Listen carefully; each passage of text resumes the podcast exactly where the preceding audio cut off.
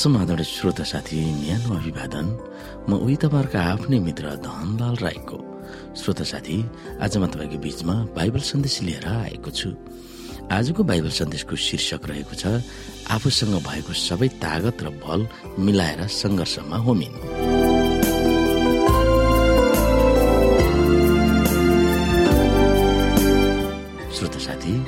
हामीले यस आफूसँग भएका सबै तागत र बल मिलाएर सङ्घर्षमा होमिनु भन्ने बाइबल शीर्षकमा हामीले अध्ययन गर्नुपर्ने बाइबलीय पदहरू रहेको छ।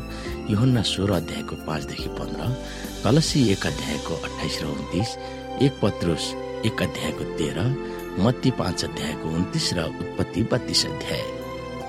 यस अध्यायमा हामीले सम्झाउनु पर्ने पद अथवा मेमोरी गर्नुपर्ने बाइबल भर्स रहेको छ कलसी एक अध्यायको उन्तिस पद। यहाँ लेखिएको छ मेरो विवेक वा अन्तस्करणमा उहाँले नै जोडसँग प्रेरणा दिनुभएको शक्ति अनुसार म यसैको निम्ति कठोर र सशक्त परिश्रम गर्दछु।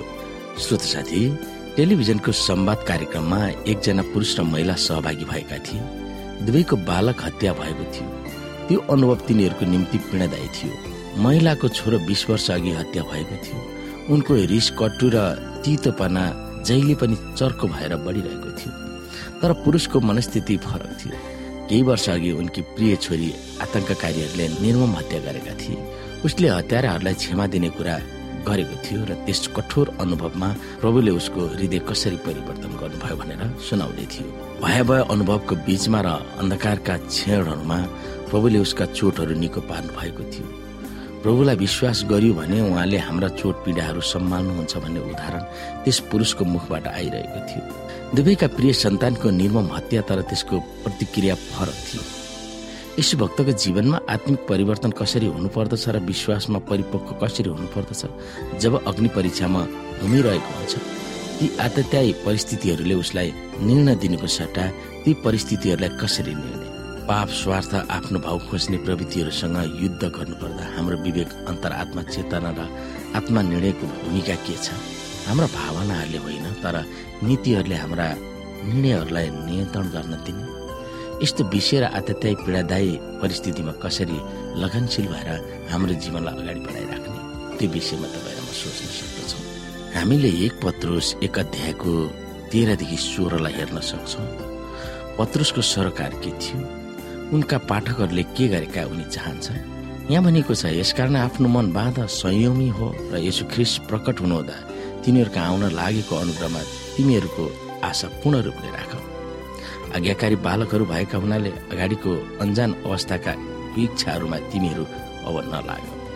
तर तिमीहरूलाई बोलाउनु हुने जस्तो पवित्र हुनुहुन्छ तिमीहरू आफै पनि जीवनका सबै रहन सहनमा पवित्र हो। किनभने यो लेखिएको छ तिमीहरू पवित्र हो किनभने म पवित्र छु।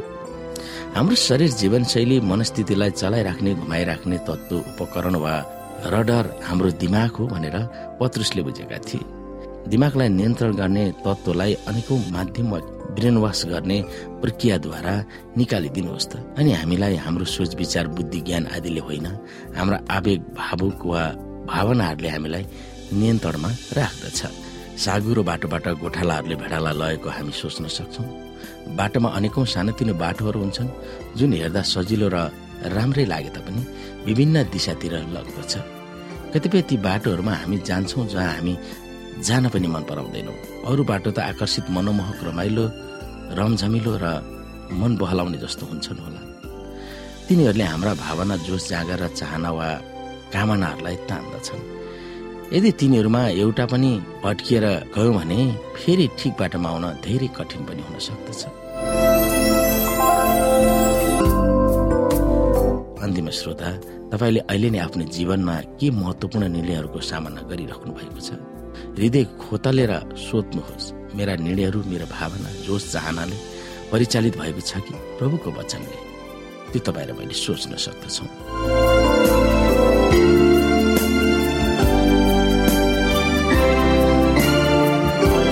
श्रोता साथी आजको लागि बाइबल सन्देश यति नै।